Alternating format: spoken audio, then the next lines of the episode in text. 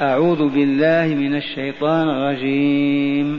كتب عليكم إذا حضر أحدكم الموت إن ترك خيرا الوصية للوالدين والأقربين بالمعروف حقا على المتقين. فمن بدله بعدما سمعه فإنما إثمه على الذين يبدلونه. إن الله سميع عليم. فمن خاف من موص جنفا أو إثما فأصلح بينهم فلا إثم عليه. إن الله غفور رحيم. هذه آيات الأحكام. كتب عليكم الخطاب لمن؟ للمؤمنين. قطعا ومعنى كتب كالأمس فرض وكتب في اللوح المحفوظ وفي القرآن العظيم. كتب عليكم ماذا؟ إذا حضر أحدكم الموت. بمعنى إذا جاء الموت ونعرفنا مجيئه ما هو في شخصية بارزة. وحينئذ ما بقيت وصية. فمعنى إذا حضر أحدكم الموت أي حضرت أسبابه. وعوامله ومقتضياته صدر الحكم على فلان بالقتل. قد يقتل بعد سنة لكن يعتبر حضر الموت ولا لا؟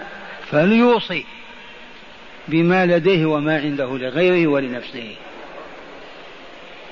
ومن هذا قول الشاعر أنا الموت الذي حدثت عنه. فليس لها فأنا الموت الذي حدثت عنه فليس لهارب مني نجاء. أنا الموت الذي حدثت عنه فليس لهارب مني نجاء. سمى نفسه هذا جرير. سمى نفسه الموت.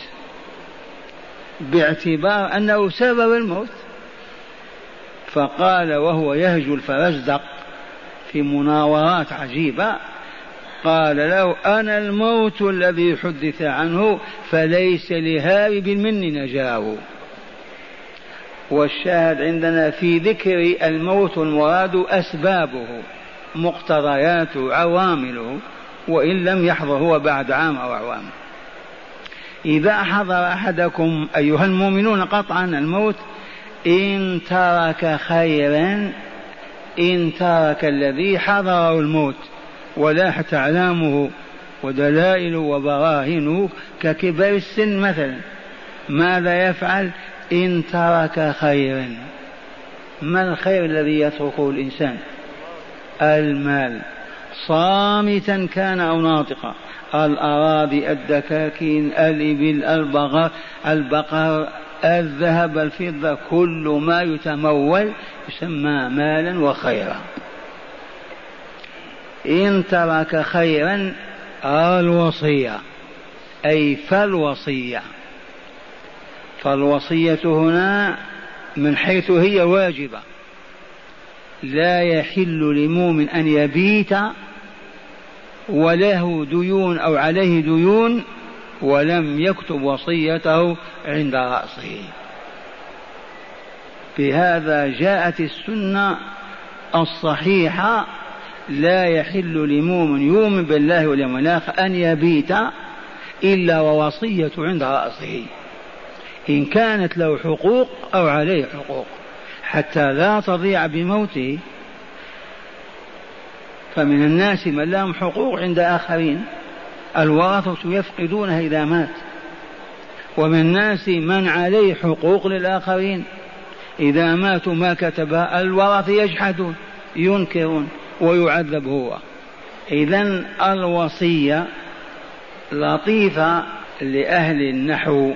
لما ما قال فالوصية؟ إن ترك خيرا فالوصية. لأن إن الشرطية الجواب بعد يكون مقرونا بالفاء من حضرته الصلاة فليقم. تبهتم. من حضر الطعام فليأكل أو ليتقدم. حذفت هذه الفاء من باب التخفيف. إن ترك خيرا الوصية بدل فالوصية. وهذا الكلام الإلهي الراقي السامي. تتجلى فيه آيات الإعجاز في بلاغته وفصاحته في مثل هذه المواطن. وهذا معروف بالضرورة. إن ترك خيرا الوصية أي وصية؟ واجب عليه أن يفعل كذا وكذا. ومن هذا قول الشاعر من يفعل الحسنات الله يشكرها والشر بالشر عند الله مثلان والشاهد من يترك الحسنات الله يشكره. كان المفروض يقول فالله يشكره. لكن ضرورة الشعر والهروب إلى التخفيف ما قال فالله. لو قال فالله ينخرم الوزن. ما هذا البيت؟ من يفعل الحسنات الله يشكرها والشر بالشر عند الله مثلان والشاهد عندنا في قوله الوصية للوالدين والأقربين بالمعروف حقا على المتقين. هنا. هذا اللفظ بالذات نسخ. ما هذا اللفظ؟ إن ترك خيرا الوصية الواجبة للوالدين والأقربين بالمعروف حقا واجبا على المتقين. هذا قبل نزول آية المواريث.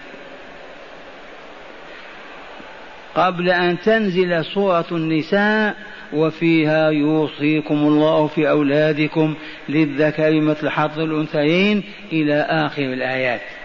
مبدئيا فرض الله على المؤمنين إذا حضر أحدهم الموت أن يوصي لوالديه أولا ثم الأقربين كالأبناء والإخوان وما إلى ذلك. إذ ما في قسمة التركة. ما كانت قسمة. وهذا هو التدرج والترقي لتبلغ هذه الأمة كمالها في ظرف 23 سنة. الوصية للوالدين أولا أمك قبل كل شيء أوصي لها بشيء أبوك كذلك ثم الأقرب في الأقرب. هذا قبل نزول آية المواريث. قبل قسمة الواريث التي أنزلها الله فيما بعد. انتبهتم؟ إذا حقا على المتقين معنى واجبا. على الذين يتقون غضب الله وسخطه الذين يتقون النار وما فيها من عذاب مقيم. حق واجب عليهم. عرفتم هذه الآية منسوخة؟ وبقيت أحكام تفيض منها. منها ما علمتم لا ينبغي لمؤمن له حقوق أو عليه حقوق أي الديون أن يبقى ثلاثا وليست وصيته عند رأسه. ثانيا أذن الرسول صلى الله عليه وسلم في أن يوصي المؤمن أو المؤمنة بثلث ماله. في وجوه البر والإحسان. فقط لا يوصي للورثة. إذ قال فداه أبي وأمي والعالم أجمع لا وصية لوارث. خالدت هذه الكلمة. قلها يا عبد الله. لا وصية لوارث. الوارث له حق في التركة ولا لا؟ لما توصي له؟ لو فتح الله هذا الباب تبهتم. لكان الرجل يوصي لمن يشاء من أحبائه من أبنائه وأعمامه وأخواله. لكن الباب أغلقه أبو القاسم صلى الله عليه وسلم. لا وصية لوارث. ما معنى هذا الكلام؟ لا توصي بالثلث أو بالربع أو بالسدس أو بشاء. لواحد من ورثتك وأنت تموت. عرفتم هذه؟ وأجاز النبي صلى الله عليه وسلم وأهل العلم أخذوا عنه إلا أن يرضى بذلك الورثة. يا أبنائي يا إخوتي إن فلانا أعمى أعرج أمي كذا نريد أن نوصي له بشيء. توافقون؟ قالوا نوافق. ونوقع. أوصي لأخينا أو عمنا مثلا. إن أجازها الورثة أجمعون جازت. ماذا ترون فيها؟ لا وصية لوارث. فإذا الورثة رضوا عرض عليهم الهالك أن فلانا أو فلانة في حاجة إلى كذا وذكر الأسباب العوامل فاقتنع الورثة كلهم وقالوا لا بأس أوصي له يجوز أو لا يجوز؟ يجوز. لما تقول لا يجوز؟ يجوز. أما هو خير ولا لا؟ أصبح الورثة تصدقوا على هذا ولهم أجرهم كأنهم اشتركوا في صدقة. يجوز. إذا مسألة تتعلق بهذه وأذكركم بها إن شاء الله يوم نعود إلى هذا الدرس. ما هي؟ هي هل للموصي أن يتراجع في وصيته؟ قبل أن يموت. آه. الجواب نعم. أوصى بالبستان الفلاني للفلانيين أو الدار الفلانية للفلانيين ثم أصابه ضعف أو مرض أو حصل له موانع فتراجع. وأبطل الوصية. وهو حي. هي لا تنفذ إلا بعد موته. قال حتى ولو كتب والوصية بالكتابة وبالشهود. عرفتم؟ مثلا أوصى لابن عمه ما هو من الوراثة ولاحظ عنه بعد أعوام أو أيام التمرد والفسق والباطل والشر. قال ما نعطي أنا مالي لهذا ليعصى به الله. فأبطل الوصية عند القاضي ويجوز إبطالها. نعم. يوصي ثم يتراجع لأمر شرعي أو لنظرية سديدة صالحة فله الحق في ذلك. ما لم يمت أو يحضره الموت. إذا كان في سياقات الموت إذا يبقى قوله تعالى فمن بدله بعد ما سمعه.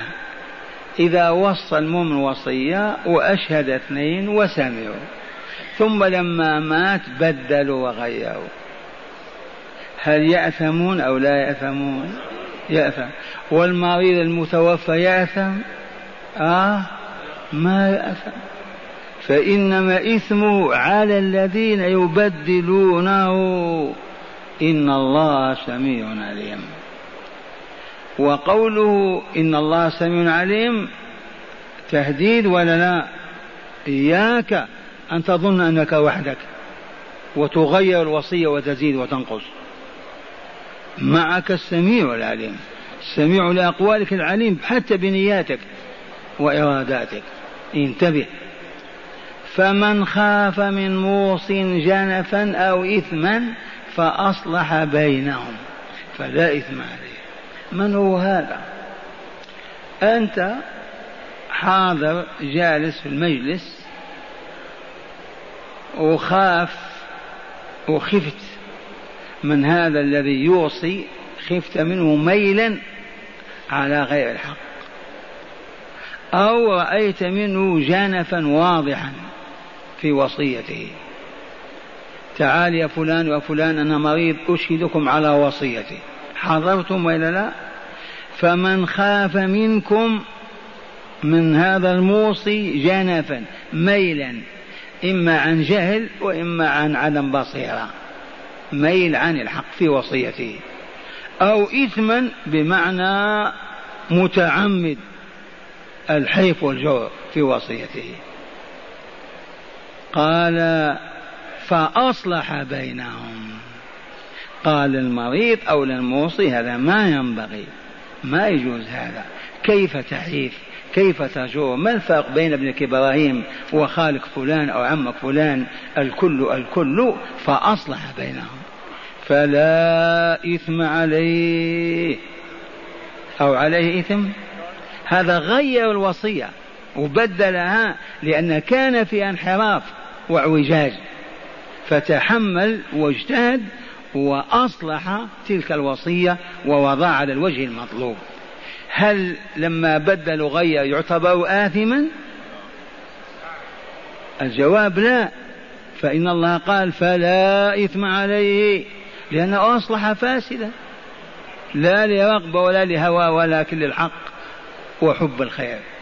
فإن الله فلا إثم عليه. لما لا إثم عليه؟ إن الله غفور رحيم. يغفر له ويرحمه. ويغفر لمن ويرحم للموصي الذي مال وصوبناه. أو انحرف بل سقط في الإثم وأنقذناه. وإن كان مريضا ومات بعد ساعات لكن لما استقر الوضع على حقيقة شرعية وصية جائزة لا إثم عليه. لما؟ لأن الله غفور رحيم فيغفر له ويرحمه. هذا معنى الآيات نقرأها في الكتاب. قال شرح الكلمات كتب بمعنى فرض وأثبت. خيرا أي مالا نقدا أو عرضا أو عقارا. العقارات الأراضي والمباني والنقد الدينار والدرهم. الوصية أي ما يوصى به من مال وغيره. المعروف هو ما تعارف عليه الناس كثيرا أو قليلا بحيث لا يزيد على الثلث. لا تزيد وصيتك لله على ثلث مالك. لو توصي بثلثين بنصف القاضي يبطل هذه الوصية. ما عندك أبناء ولا آباء عندك أبناء عم أغنياء. فقلت أنا إذا أوصي بالنصف للخيريات. القاضي ما يقبل. أوصي بالثلث نعم. أما بالثلثين هذا حسد للوراثة. ما أنت بمسؤول عن غناهم وفقرهم. إذا الذي تعارف عليه المسلمون أن الوصية لا تزيد على الثلث سواء لحي أو ميت. قال التبديل معناه التغيير للشيء بآخر وقوله جنفا أو إثما الجنف الميل عن الحق خطأ والإثم تعمد الخروج عن الحق والعدل. هذه كلمات تحتاج إلى شرح. الآن معنى الآيات قال بمناسبة ذكر آية القصاص وفيها أن القاتل عرض للقتل وإلا لا؟ والمفروض فيه أن يوصي فيه أن يوصي في ماله قبل قتله. نعم. ذكر تعالى آية الوصية هنا. فقال تعالى كتب عليكم أيها المسلمون إذا حضر أحدكم الموت إن ترك خيرا إن ترك مالا الوصية أي الإيصاء للوالدين والأقربين بالمعروف حقا على المتقين. ثم نسخ الله تعالى هذا الحكم بآية المواريث. أين توجد هذه الآية؟ في سورة النساء يوصيكم الله. وبقول الرسول صلى الله عليه وسلم لا وصية لوارث لا وصية لوارث. قال ونسخ ونسخ الوجوب وبقي الاستحباب ولكن لغير الوالدين والأقربين الوارثين إلا أن يجيز ذلك الورثة وأن تكون الوصية ثلثا فأقل. إن أجاز الورثة قدمنا يجوز ولا؟ على أن تكون الوصية ثلثا فأقل. فإن زادت وأجازها الورثة جازت. إذا الورثة أجازوا ما فوق الثلث لهم ذلك لأن المال ما لهم أرادوا أن يتطوعوا. قال ودليل الاستحباب استحباب الوصية حديث سعد في الصحيح حيث أذن له الرسول صلى الله عليه وسلم في الوصية بالثلث. وقد تكون وصية واجبة على المسلم كما قدمنا وذلك إن ترك ديونا لازمة أو حقوقا واجبة في ذمته فيجب أن يوصي بقضائها واقتضائها بعد موته لحديث ابن عمر في الصحيح. ما حق امرئ مسلم له شيء يوصي فيه يبيت ليلتين إلا, وج... إلا ووصيته مكتوبة عنده. هذا ما تضمنته الآية الأولى وهي المئة والثمانون. وأما الآية الثانية وهي المئة والواحدة والثمانون فيقول تعالى لعباده المؤمنين فمن بدل إيصاء, إيصاء مؤمن أو وصى, أو وصى به بأن زاد فيه أو نقص أو غيره أو بدل نوعا بآخر فلا إثم على الموصي ولكن الإثم على من بدل وغير. وختم هذا الحكم بقوله إن الله سميع عليم تهديدا ووعيدا لمن يقدم لمن يقدم على تغيير الوصايا لغرض فاسد وهوى سيء. وفي الآية الأخرى أخبر تعالى أن من خاف من موص جانفا أو ميلا عن الحق والعدل بأن جار في وصيته بدون تعمد الجور ولكن خطأ أو خاف إثما على الموصي حيث جار وتعدى. على علم في وصيته فأصلح بينهم أي بين الموصي والموصى لهم فلا إثم عليه في إصلاح الخطأ وتصويب الخطأ والغلط. وختم هذا الحكم بقوله إن الله غفور رحيم. هذا اللفظ فمن بدله بعد ما سمعه. تكلمنا فيه؟ بدل الوصية بعد ما سمعه غير. فإنما إثم على من؟ على الذين يبدلونه. قال هداية الآيات من هداية الآيات أولا نسخ الوصية للوارثين مطلقا إلا بإجازة الورثة. نسخ الوصية مطلقا إلا للورثة إلا بإجازة الورثة لها. إذا من هداية الآيات أولا نسخ الوصية للوارثين مطلقا. إلا بإجازة الورثة. وإذا بعض الورثة أجازوا البعض ما أجاز ما يوصي لابد أن يتفقوا. ثانيا استحباب الوصية بالمال لمن ترك مالا كثيرا يوصي به في وجوه البر والخير. يستحب لأي مؤمن أو مؤمنة يكون له مال كثير خير كثير أن يوصي في وجوه البر المساجد الفقراء طلبة العلم المسافرين الغرباء المرضى المستشفيات يوصي بشيء من ماله. يستحب له. لكن هل هذا واجب؟ الجواب لا. يستحب لمن حضره الموت أن يوصي بالثلث فأقل في وجوه البر والإحسان. قال ثانيا استحباب الوصية بالمال لمن ترك مالا كثيرا يوصي به في وجوه البر والإحسان. ثالثا تأكد الوصية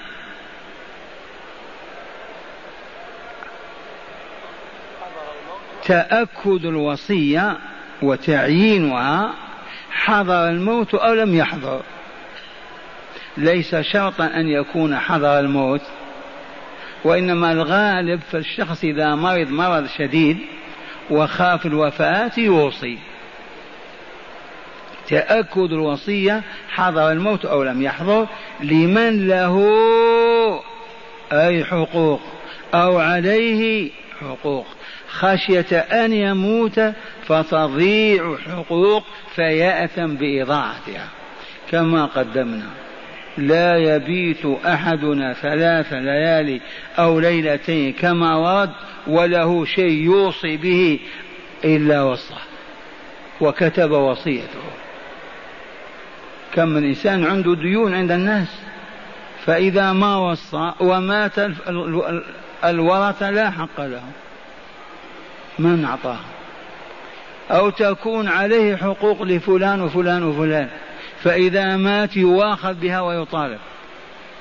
فلا بد وأن يوصي قال ثالثا تأكد الوصية حضر الموت أو لم يحضر لمن؟ لمن له لمن له أو عليه.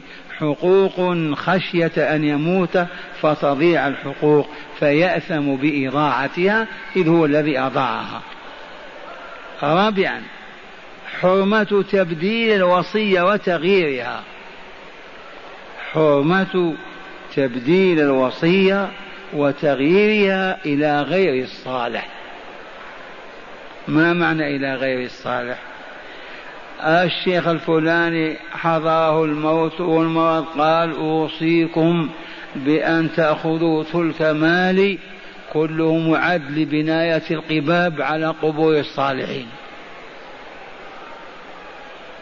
الآن ما بقي الناس يحترمون الأولياء ولا يقدسونهم وأصبحت القباب إذا سقطت ما تجدد. هذا المال في ذمتكم أن تجددوا به قباب الصالحين. يجوز هذا؟ آخر كان مغرما بالحشيشة. تبهتم أو بالخمر. قال ثلث مالي للحشاشين. أصدقائي وأحبائي. يجوز؟ وهكذا يجوز حرمة تبديل الوصية وتغييرها إلى غير الصالح. فكان تغييرها وتبديلها لأجل الصالح فنعم. هذا وصى على الخمر يبدلونها إلى الفقراء والمساكين. وصى بناية القبور أو مواليد. فلان يقول كل سنة تقيمون مولد على حسابي. غلة البيت الفلاني أو البستان الفلاني تنفق بهذا يجوز هذا يبدل إلى الصالح. هذا ليس بدعة. كيف تنفق فيها المال؟ مرة أخرى هذه الآيات ذات هدايات. ما, الهدي ما الهداية الأولى؟ نسخ الوصية للوارثين مطلقا إلا بإجازة الورثة نسخ الوصية للورثة مطلقا. إلا إذا أجاز الورثة فلا بأس. كم من إنسان يكون له أربع أولاد أكثرهم موظفون وأغنياء وواحد منهم معتوه ضعيف كذا. يقول أبنائي الدار الفلانية أوصينا بها لأخيكم. توافقون؟ قالوا لا. أسكتوه. قالوا نعم يا والدي. أوصي. ونحن أحق بهذا منك. نوصي أيضا. فلا حرج. استحباب الوصية بالمال لمن ترك مالا كثيرا. لماذا قلنا كثيرا؟ أنت تركت أربع أولاد أو خمسة وعندك دخل خمسة آلاف في الشهر توصي بماذا؟ المال كثيرا يستحب لك أن توصيه. مثلا عندك بنتان ثلاثة متزوجات بأولادهن وعندك مال ما شاء الله. أوصي بالثلث. لما؟ لأن ورثتك أغنياء. يرضون أو لا يرضون لا حق لهم لأنك دون الثلث أو الثلث فقط. هذه الوصية مستحبة. وتذكرون سعد رضي الله عنه مهاجر ثم ذهب إلى مكة فمرض فخاف أن يموت في غير دار هجرته. فعاده النبي صلى الله عليه وسلم فبكى وذكر له ماله فقال الرسول الثلث والثلث كثير. ثالثا تأكد الوصية سواء حضر الموت أو لم يحضر. لمن هذا؟ للذي عليه حقوق أو له حقوق. تبهتم. لا يكتب ويوصي إلا عند المرض. لا يدري الإنسان قد يموت وهو يمشي وهو راكب. فالذي له حقوق من الليلة ديون ينبغي أن يكتبها ويوصي. والذي عليه حقوق كذلك. يكتب لفلان علينا كذا لفلان علينا كذا وكذا. حتى إذا مات الوراثة يوزعون ذلك المال على الورثة إذا القسمة لا يبدأ بها إلا بعد سداد الديون وقضائه. ثالث تأكد الوصية حضر الموت أو لم يحضر لمن له أو عليه حقوق خشية أن يموت فتضيع الحقوق فيأثم بإضاعتها إذ هو الذي أضاعها. وأخيرا حرمة تبديل الوصية وتغييرها إلى غير الصالح. ما معنى هذا الكلام؟ يرحمكم الله. من يفيدنا؟ أجيبوا حرمة تبديل الوصية وتغييرها إلى غير الصالح. هل هذا له إشارة في الآية؟ فمن بدله بعدما سمعه. فإنما إثمه على الذين يبدلونه. نعم. أي نعم. قال حرمة تبديل الوصية وتغييرها. أوصى بمال لبناء قبة. تبات أو أوصى بأن يدفن في المسجد الفلاني. هذا التبديل يصح ولا لا؟ يصح. فإن كان التبديل لغير صالح لغير فهو حرام ولا يجوز وعليه الإثم. فمن بدله فإنما إثمه على الذين يبدلونه. إن الله سميع عليم.